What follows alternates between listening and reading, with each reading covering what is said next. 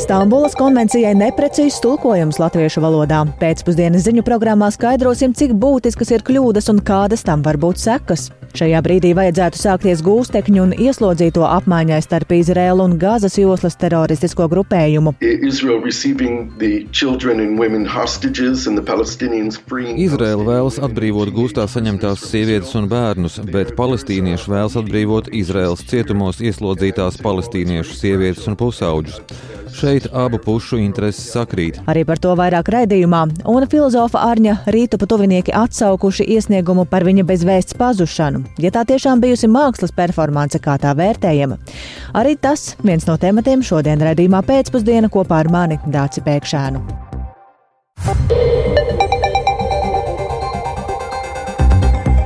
Ir 16,5 minūtes programmas turpinājumā 24. novembra redzījums pēcpusdienā ar plašāku skaidrojumu par šodien būtisko studijā Dāca Pēkšēna. Esiet sveicināti!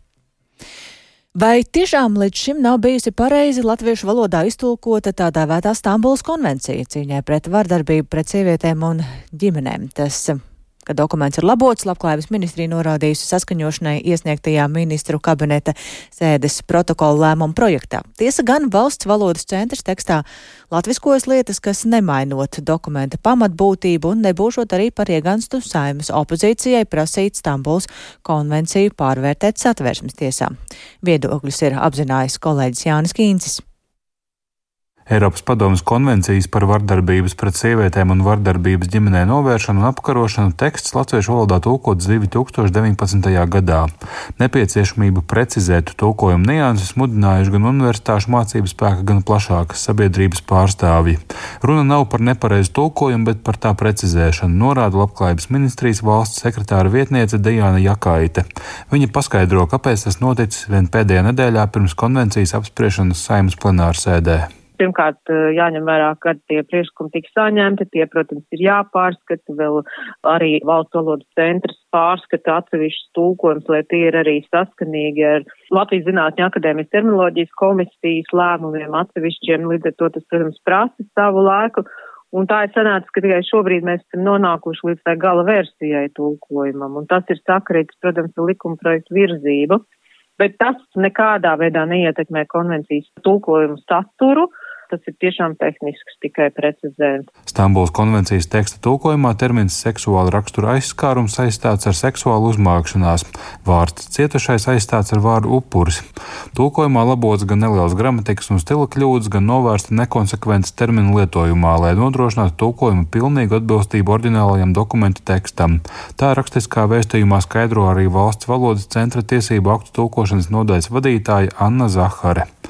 Labojumi dokumentu latviskojumā it nekādi neietekmē konvencijas būtību. Uzsver arī par tās virzību saimā atbildīgās juridiskās komisijas vadītājs Andrejs Judins no jaunās vienotības principā tas ir ļoti labi. Šajā gadījumā, tad, kad nu, es dzirdu 120 dažādu argumentu, nenopietnu, kāpēc mums nevajag Stambulu, jā.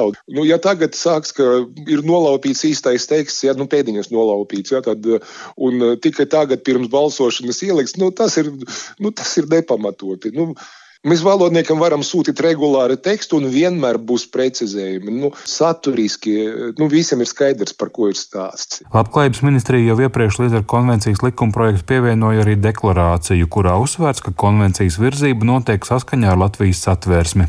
Ilgstošajās diskusijās par Stambulas konvenciju daudzkārt pieminēts termins sociālais dzimums.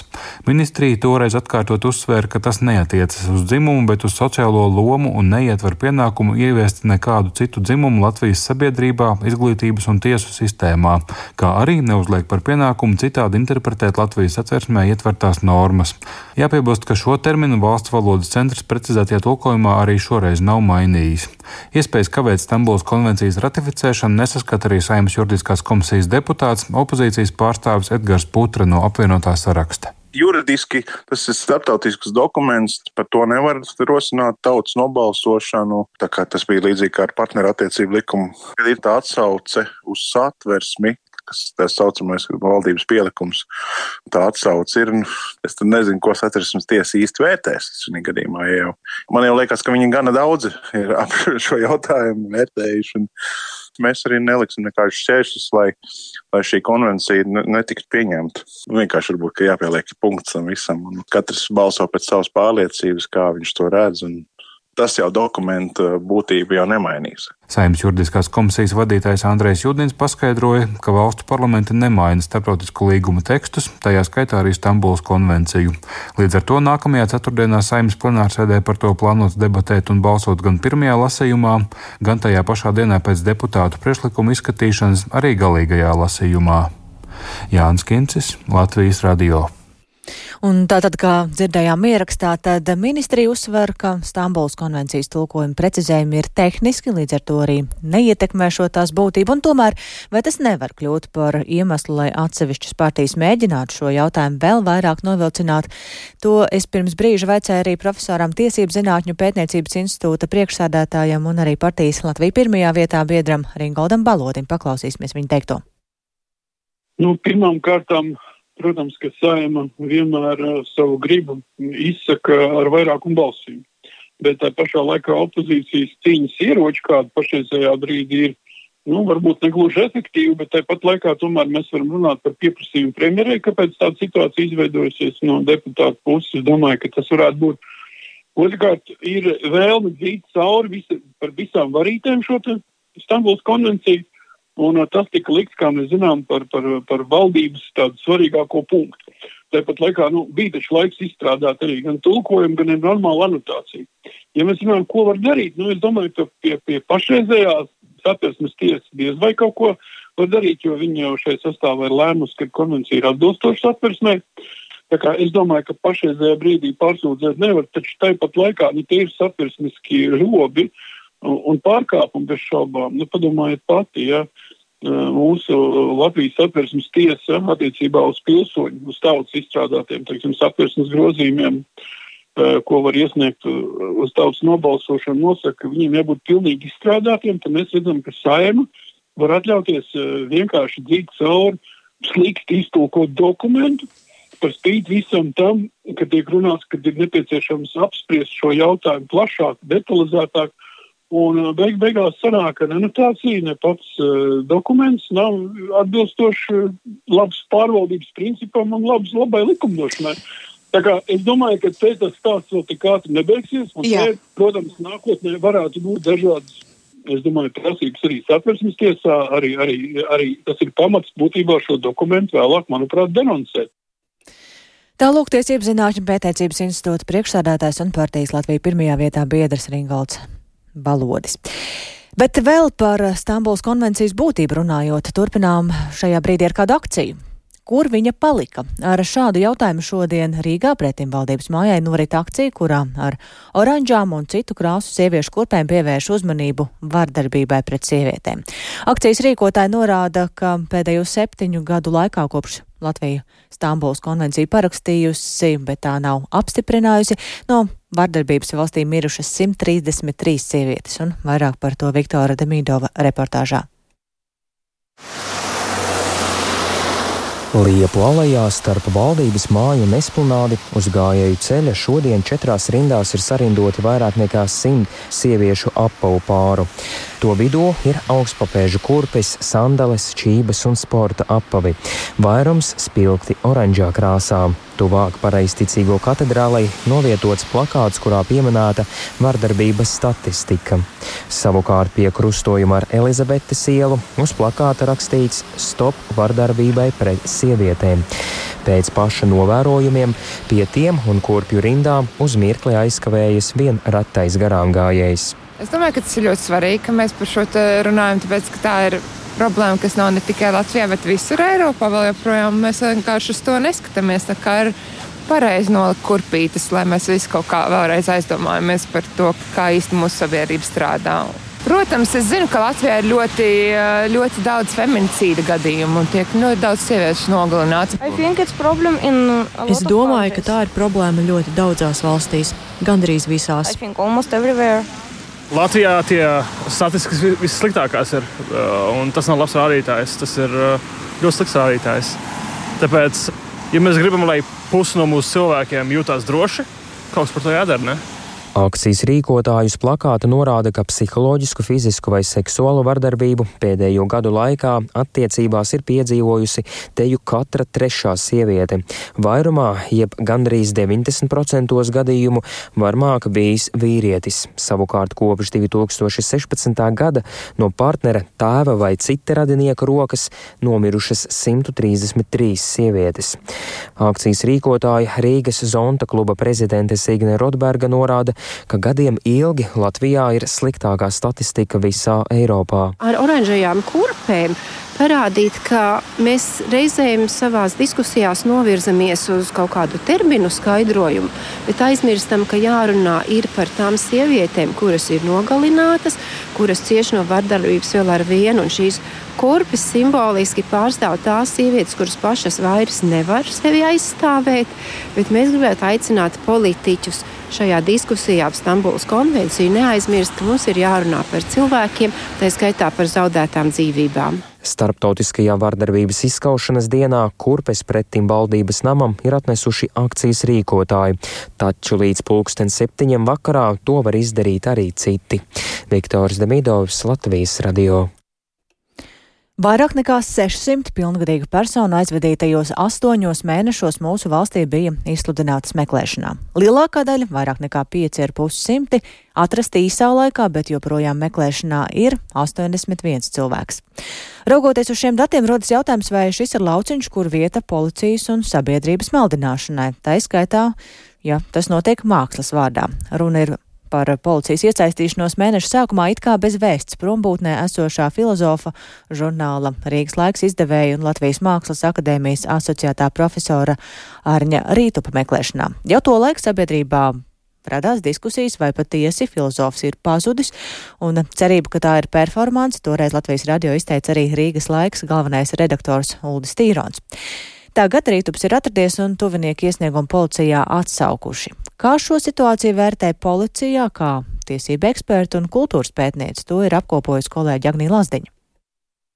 Filozofs, žurnāla Rīgas laiks izdevējs un Latvijas Mākslas akadēmijas asociētais profesors Arnis Rītups 12. novembrī izgāja no savas dzīves vietas Rīgā un vairs neatgriezās. Tā par filozofa pazušanu valsts policijai ziņoja tuvinieki. Sabiedrībā izskanēja dažādi minējumi - performance, protesta akcija, reklāmas triks, uzdzīve vai arī nelaime, taču skaidrs atbildes tā arī nebija līdz 22. novembra vakaram, kad žurnāla Rīgas laiks sociālo mēdīju kontos parādījās video, kurā redzams vīrietis maskā. Man sauc Arnēs Rītups. Es esmu viens no Rīgas lielākajiem muļķiem. Taču piedzimis es esmu latviešu valodā. Un latviešu valoda ir tā, kurā es pateicu pirmos vārdus, un iespējams pateikšu pēdējos. Video rītups stāsta par žurnāla Rīgas laiks 30 gadu jubileju, redakcijas ievākšanos kādreizējā Latvijas komunistiskās partijas centrālās komitejas ēkā Elizabetes ielā 2 un netieši apliecina, ka nav bezvēsts prombūtnē. Mēs esam izsējuši mušmirus, sekojot kādas kalbes pasakai 15. Izsējuši viņas virs Ņujorkas, virs Londonas, virs Parīzes, virs Berlīnas, virs Romas,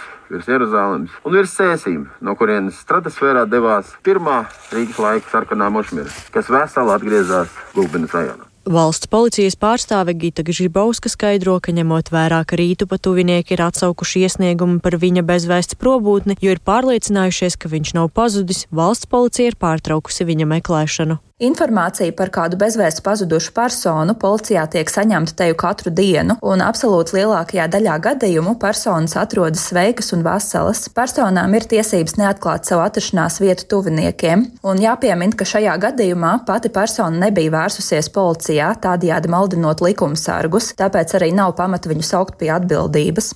Sazvanīt Arni Rītupu vai arī viņa kolēģi, žurnāla Rīgas laiks galveno redaktoru Uldi Tīronu, Latvijas radio gan neizdodas. Arī Latvijas Mākslas akadēmija situāciju atsakās komentēt, norādot, ka to risinās iekšēji. Taču cik pareizi ir bijusi Ārņa Rītupa rīcība? Kultūras pētniece un Latvijas Kultūras akadēmijas rektore Rūta Muktu Pāvela stāsta, ka uz situāciju var skatīties no divām pusēm. Attiecībā uz šo cilvēcisko, tad, nu, manuprāt, dzīvojot nu, tik trauksmainā laikā, arī apzinoties vienādi rītuma tādu svaru gan publiskajā, gan arī intelektuālajā telpā, nu, manuprāt, šāds gājiens visnotaļ vērtējums negatīvi atklāt sakot. Policija tērē savus tāpat nabadzīgos resursus, tērē savu laiku, nemaz nerunājot par tuviniekiem, uz visa šī ģeopolitiskā un emocionālā fona, nu, manuprāt, ir ļoti grūti ļoti attaisnojams šāds gājiens, pat ja tas tiek veikts no kaut kādu cēlo māksliniecisko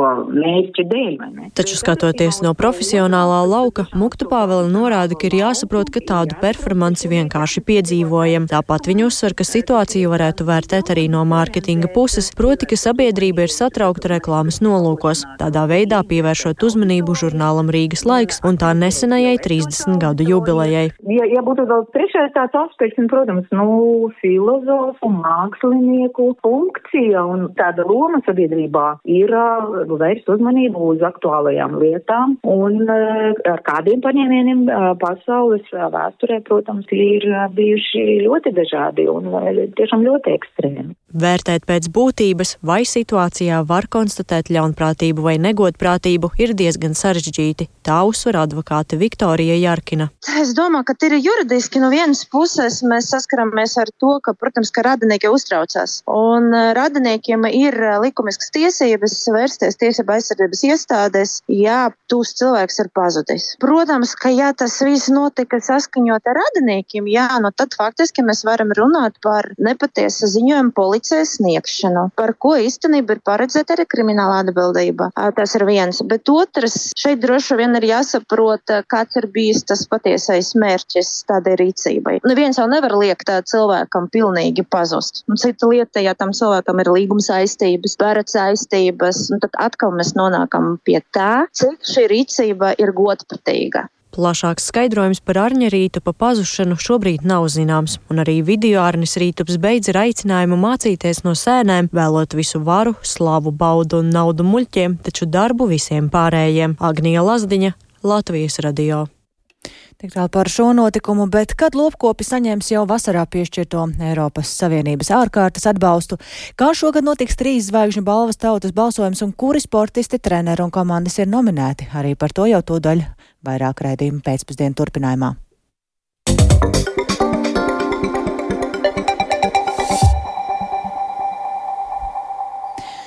Bet sākam ar to, kam šobrīd seko līdzi visa pasaule ir sākusies gūstekņu un ieslodzīto apmaiņa starp Izrēlu un Gāzes joslas teroristisko grupējumu Hamas. Un tā notiek pēc tam, kad šorīt spēkā stājās ar Kataras starpniecību noslēgtais pagaidu pamiers. Tikmēr Gāzes joslas dienvidos no Ēģiptes ir iebraukušas kravas automašīnas ar humāno palīdzību, un plašāk par notikumiem tuvajos austrumos ir gatavs pastāstīt kolēģis Ulis Česberis, ar kuru šobrīd esam sazinājušies tiešēdē.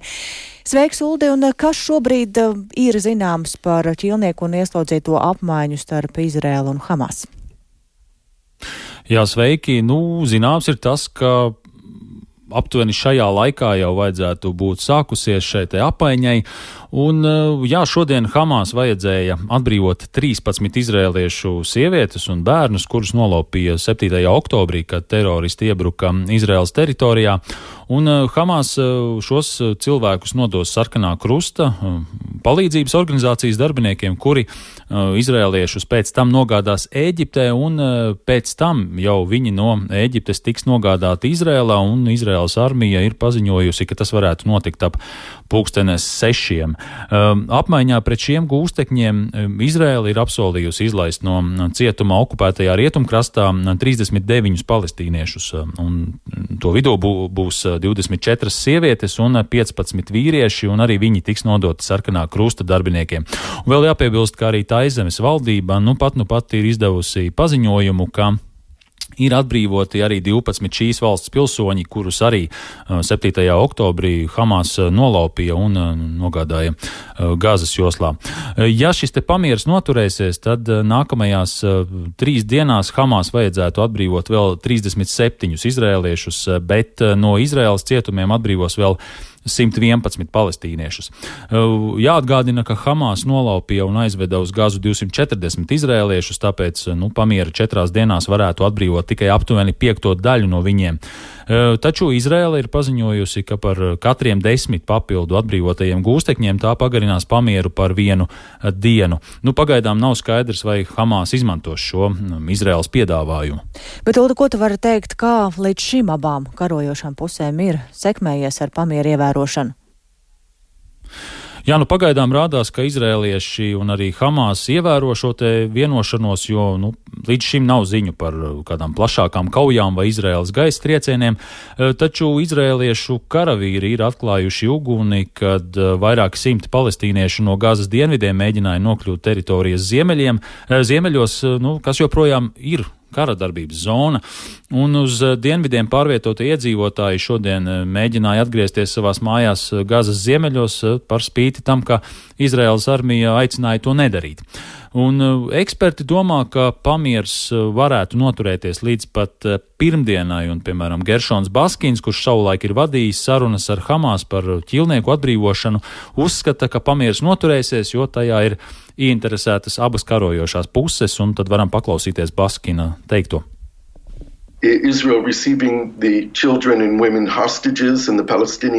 Izraela vēlas atbrīvot gūstā saņemtās sievietes un bērnus, bet palestīnieši vēlas atbrīvot Izraels cietumos ieslodzītās palestīniešu sievietes un pusauģus.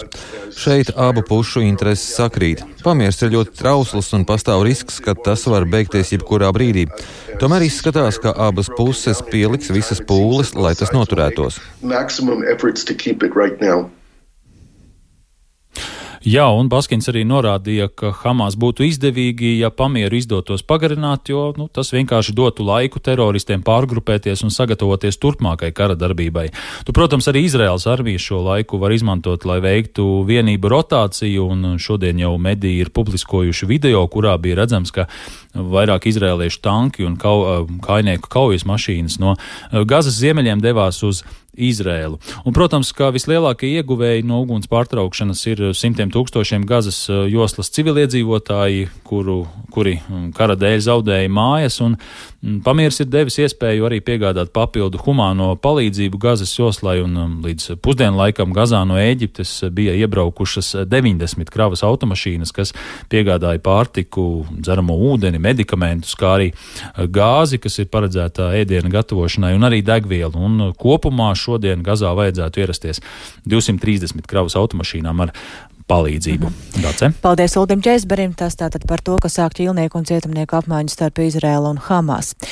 Bet konflikts tuvajos austrumos un tāpat arī palīdzība Ukrainai un starptautiskā tirzniecība ir daži no aktuālajiem jautājumiem, kas šodien ir Kanādas un Eiropas Savienības līderu sanāksmes dienas kārtībā. Tā notiek simboliskā vietā St. Jonesas pilsētā Newfoundlandas salā, kur savulaik tika nodibināti pirmie transatlantiskie bezvadu sakari, un plašāk par to mūsu Briseles korespondenta Arķoma Konohova ierakstā.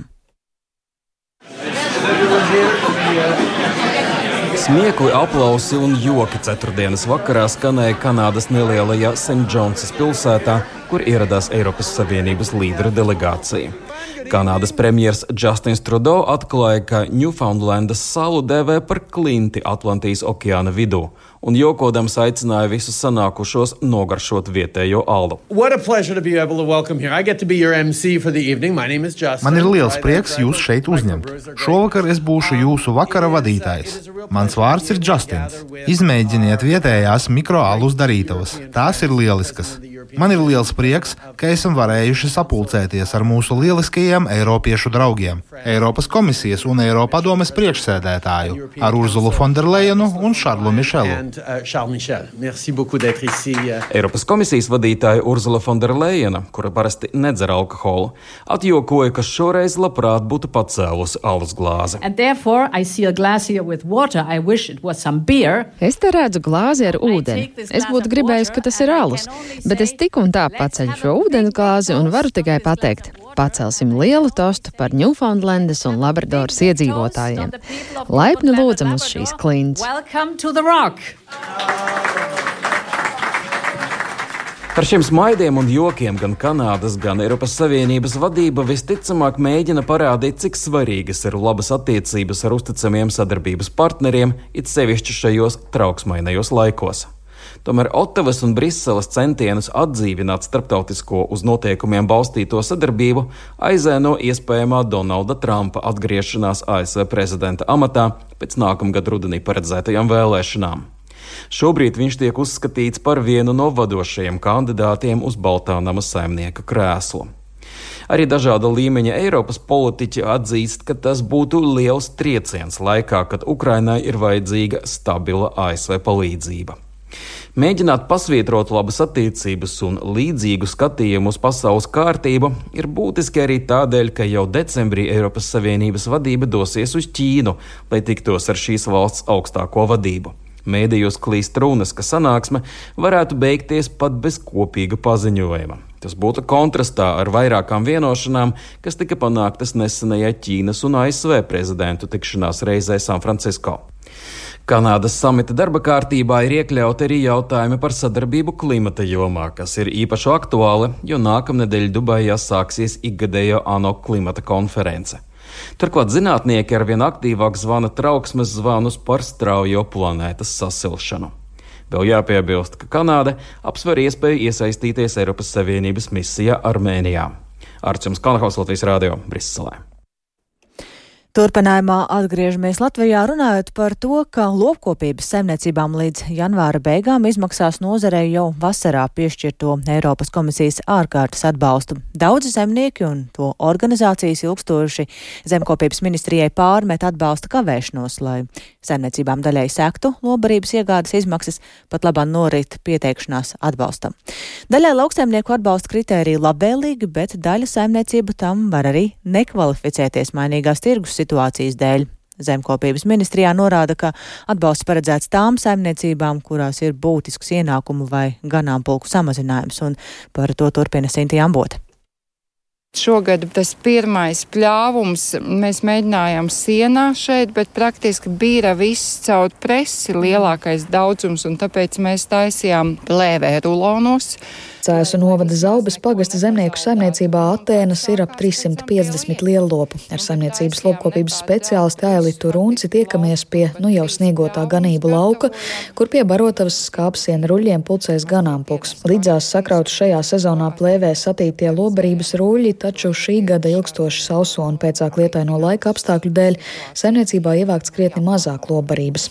Ja agrāk te pie šitā visa klāt vēl bija gara, gara tāds sasakts siena, tāds mūris, nu, tagad tas iztūks. Jo parasti mums bija tā, ka mēs to sienu arī likām visu ziemu zemē, tad viņas ko ēda, kur gulēja. Tā bija brīva izvēle. Nu, šobrīd mēs zemē neko nevaram likt tā lobarības bilants, kad ja parasti mums bija pār pa 3000 ruloniem, tad šogad mēs drusku pār pa 2000 spējām sagatavot. Tā kā 1000 ir deficīts, un uh, mēs jau pavasarī, tā kā sākās tas problemātiskais laiks, sapratām, ka, nu, labi nebūs.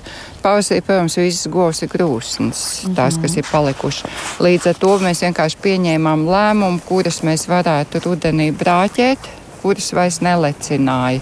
Un, nu, diezgan lielu skaitu. 20 govīm mēs vairs nelicinājām, kuras šobrīd tā ir nākošais nedēļa jāšķir teļinost, un tad tās arī tiks realizētas. Tad jūs tā kā sabramzējāt to pieaugumu? Jā, jā. Eiropas Savienības ārkārtas finansējums lauksaimniecības nozarei piešķirts jau vasarā, un tagad saimniecības var pieteikties ilgi gaidītajam atbalstam, lai daļai sektu lobarības iegādes izmaksas. Nosacījumus skaidro Zemkopības ministrijas tirgus un tiešā atbalsta departamenta pārstāve Evita Kozlauska. Tiks vērtēts, vai ir samazinājušies ieņēmumi no lauksaimnieciskās darbības, vai ir samazinājušies ieņēmumi no lauksaimnieciskās darbības uz vienu nosacīto lielopu vienību Kā trešais kritērijs, vai ir samazinājies lielopu vienību skaits saimniecībā, tiks vērtēts, vai ir samazinājušies ieņēmumi no lauksaimnieciskās darbības uz vienu kilogramu piena, un tiks vērtēts, vai ir samazinājušies ieņēmumi uz vienu realizēto lielopu vienību. Bet es vēlos uzsvērt, ka šie ir pieci kritēriji, bet saimniecībai ir jāatbilst vismaz vienam, un samazinājumam ir jābūt vismaz par 20% kas liecinās par nozīmīgām problēmām. Zemnieku saimniecībā Atēnas gana neslēp vilšanos par atbalsta noteikumiem. Saimniecība tam pieteikusies, bet nav pārliecības, vai pilnībā kvalificēs atbalstam un cik lielu atspaidu tas varētu radīt. Mūsu valdība rūpējās, lai visi zemnieki matemātiku atkārto, jo tās formulas ir tik sarežģītas un mēģināja rēķināt. Šodien mēģināšu sniegt iekšā, lai viņi rēķina precīzi. Mēs esam uz robežas, jo šajā gada sākumā ļoti cēlās iepirkuma cena dzīvniekiem. Un eh, pat cik mums visa lielā realizācija, visi nobarotie, tas ir februārs, marts, Jā. kad bija šī augstākā cena tad praktiski tie, kas ir uz tirgu orientētie, šie ganāmpulki lielākā daļa nekvalificēsies. Šī gada sekas mēs vēl divus nākošos un trešajā gadā vēl jutīsim. Pat cik mums ir šis nobarošanas cikls, praktiski tas ir tas, ka tajā brīdī, kad Eiropa iedeva to naudu, neiedeva uzreiz saimniecībām. Kopējais Eiropas Savienības ārkārtas atbalsts tieši lopkopībā ir ap 3,5 miljonu eiro apmērā. Lauka atbalsta dienestā pieteikšanās noritēs līdz 1. decembrim, un atbalsts ir jāizmaksā līdz nākamā gada 31. janvārim. Sinti Ambota, Latvijas radio. Nu, ja šajā jomā vēl daudz neskaidrību, tad viss ir skaidrs par teātra dzīvē nozīmīgo spēlmeņu nakti. Visvairāk balvu, balvu šoreiz tātad ir saņēmis Valmieras drāmas teātris, plūcot laurus sešās kategorijās. Par gada mazās formas izrādi atzīta Valmieras teātra izrāde Nelabie pēc Dostojevska, bet par gada labāko režisoru šīs izrādes veidotājs Elmārs Ceņkaus. Kategorijā gada lielās formas izrāde savukārt uzvarēja fonda Initium un režisors Ivatas Pols iestudējums Maleus Maleficarum un jaunais, tātad jaunais līgums un plašāk par spēlmenu nakts rezultātiem Baibas Kušķis ierakstā. Maleus Maleficarum, jaunais līgums, režisore Iveta Pole, darbs tapis koprades procesā. Uzvarētāja kategorijā gada lielās formas izrāde paziņo mūža balvas laureāte Lolita Cauka. Izrādi Maleus Malefikārum jaunais līgums producējis fonds Initium. Tā ir mūsu teātrā ainavā neordinārs projekts, kvalitatīvi un pārliecinoši īstenots. Par šo inovatīvo pienesumu arī piešķirta balva, stāsta žūrijas vadītājs Toms Čevers. Nu, mūsu teātris telpā tāda mēroga performance ar tādu pārliecību par savu darbu, par tā nepieciešamību un par tās idejas nozīmīgumu tāda nav redzēta. Un, protams, žūrijai vienmēr ir jāizšķirās par kaut kādu inovāciju, jauniem soļiem vai arī par kādiem nu, tīri profesionālām un stabilām lietām. Un šajā gadījumā šī bija tāda inovācija pretstatā pārējām labām izrādēm, kuras bija vienkārši labas. Izrādes centrā ir astoņas spēcīgas sievietes un tā vēsture stāsta par sievietes spēka transformējošo potenciālu. Režisora Iveta Pola to dēvē drīzāk par rituālu nekā klasisku izrādi. Viņa ļoti saista šāds teātra virziens, un viņa ir ārkārtīgi priecīga par žūrijas novērtējumu. Protams, tas nav gluži tekstā balstīts teātris, tas ir vairāk fizisks teātris, tas ir starp skatuves mākslu, vizuālo mākslu. Tas ir tāds tā kā drīzāk kokteils. Mēs visas šīs astoņas meitenes, kuras mēs to kopā darām, tas ir kopdarbs. Tad jums jau tagad būs stimuls kaut ko jaunu, varbūt jau top kaut kas jauns kā režisorē. Jā, nākamais būs opera basēnā. No 15 kategorijām sešās balvas saņēma Valmieras teātris, kas par spīti remonta apstākļiem jau otro gadu sasniedz ļoti izcilus rezultātus, atzīst Toms Čevers. Par to ir ārkārtīgs prieks, ka pagājušo sezonu jaunajam Valmieras aktieru kursam ienākot teātrī, ka tā nebija nejauša nejaušība un pirmā deksme kaut ko darīt, bet šajos sarežģītos apstākļos viņi ir pierādījuši, ka viņi prot radīt, prot materiāliem pieiet pamatīgi, un kas ir arī būtiski Valmieras teātris sakarā, ka praktiski nebija nejaušu darbu. Valmieras teātra direktora Evita Ašerādena kā viena no galvenajām veiksmes atslēgām min jauno spēcīgo aktieru kursu. Mēs izmantojam to mirkli un nepadodamies, un visu laiku tas mudina domāt jaunas idejas. Un arī, protams, tas, ka mums ir ienācis Indras Rokas un Mišas Grusdeva kurs un mēs viņiem liekam akcentu, un viņi izmanto savas iespējas. Par labāko aktieru atzīts Artūrs Krūskops par darbu Nacionālā teātra izrādē Ričards nekā personīga, bet par labāko aktrisi Dārta Daneviča par izcilu veikumu izrādē Zēni nav meitenes. Aktrise mēdz saņemt atsauksmes no skatītājiem arī personiski, un visvairāk viņas sirdi silda stāsti, ka pēc šīs izrādes cilvēkiem rodas vēlme ātrāk steigties pie saviem mīļajiem uz mājām, lai viņus samīļotu. Šī izrāde ir īsa un tā beidzas pirms deviņiem vakarā. Tad parasti cilvēki ieplāno vēl kaut ko. Viņi, teiksim, vakar bez bērniem, aiziet vēl kaut kur pēc tam atpūsties kopā. Un, viņi raksta, ka viņi ir atcēluši šo sarunāto aukli uz visu vakaru vai vecvecākus un steigušies mājās pie bērniem. Man arī ir bijušas mātes, kas raksta, ka viņas ir pārvērtējušas sevi kā mātes pēc šīs izrādes noskatīšanās. Tas arī ir liels gandarījums. Balvas par mūža ieguldījumu šī gada spēļu naktī saņēma Nacionālā teātra aktrise Lolita Cauka un Valmieras teātra aktieris Agris Māsēns. Baiba Kušķe, Latvijas radio. Un tuvojoties gada izskaņai, varam sākt pamazām atskatīties dažādās jomās paveikto, ne tikai teātrī. Un, ja mēs šajā brīdī lūkojamies sporta virzienā, tad šodien oficiāli ir sācies tautas balsojums par trīs zvaigžņu balvas laureātiem sportā kopā desmit nominācijās. Un tāpat arī oficiāli paziņots, kuri sportisti, treneri un komandas ir nominēti katrā no kategorijām. Un plašāk par to runāsim ar kolēģi Māri Bergus. Beigs Māri un Sāksim ar to, ko varam ietekmēt tik viens tautas balsojums, kāda šogad kārtība, kā sabiedrība var balsot par laureātiem un cik liela gal galā tam būs ietekme nosakot šo gala rezultātu. Sveika, Dārcis, sveicināti klausītāji! Ikvienam ir iespēja balsot reizi dienā, bet, lai izvairītos no iespējamiem krāpniecības mēģinājumiem, šogad katrs balsotājs tiks verificēts ar kodu, kas SMS veidā tiks nosūtīts uz konkrētā balsotāja tālruņa numuru. Tātad kopumā mums ir desmit nominācijas, un tajās ik viens var balsot par saviem favorītiem. Tāpat kā pagājušajā gadā 50% no kopējā rezultāta veidos tieši tautas balsojuma rezultāti, līdz ar to līdzjutēju un interesantu ietekmi ietekme ir liela, un uh, ikvienam savu balsojumu iespējams veikt vietnē trīsvaigžņu balva.lv. Gala rezultātos 25% vērtēs uh, veidos sporta žurnālistu vērtējums, bet atlikušos 25% sastādīs balsojums no 15 sportistiem, kuri nav nominēti nevienā no šīm desmit kategorijām, un kurus balsojumam izvirza Latvijas Olimpiskā komiteja, Latvijas Paralimpiskā komiteja un arī Latvijas Sporta federāciju padome. Dace? Tātad desmit kategorijas, bet nu, tomēr prestižākā un svarīgākā nominācija Olaža arī ir gada sportists un gada sportiste.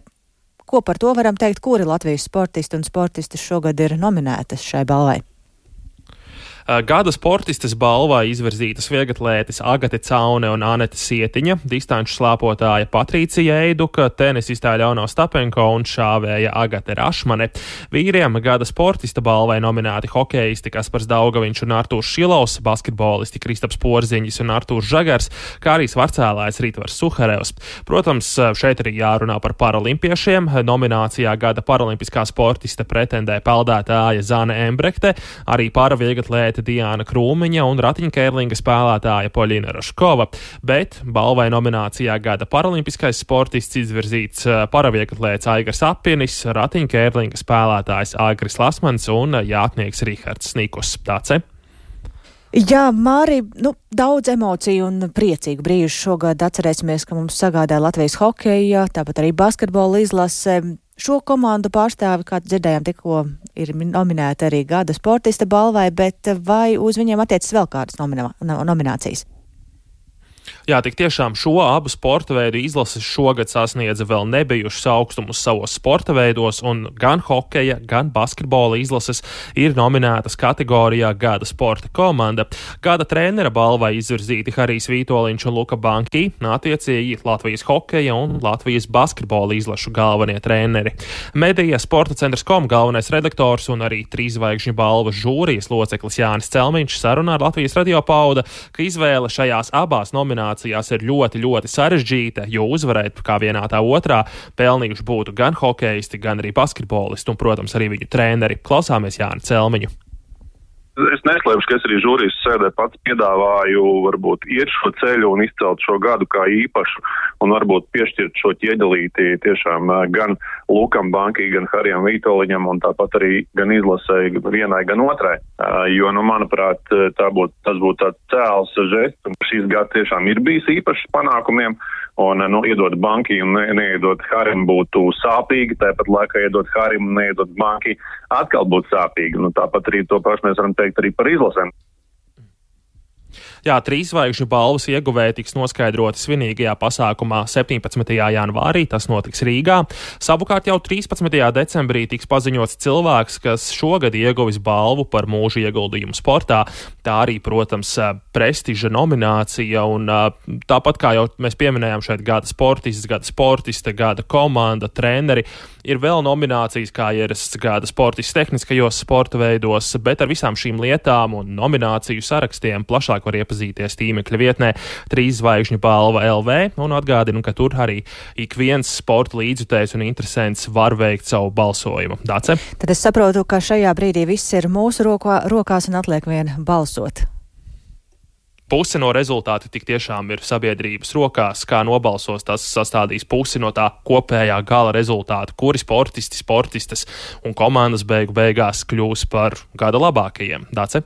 Paldies Mārim Bergam par šo apkopojumu. Gaidīsim, kāds tad būs balsojuma rezultāts un aktīvi arī iesaistīsimies. Un ar to tad arī šajā brīdī izskan raidījums pēcpusdiena, ko producēja Lauris Zvejnieks, ierakstus montēja Kaspars Groskops par labskaņu rūpējumu rūpējās Rīta Karnača un ar jums sarunājās Dāca Pēkšēna. Radījums arī raidierakstu platformā Latvijas radio dienas ziņas. Yeah.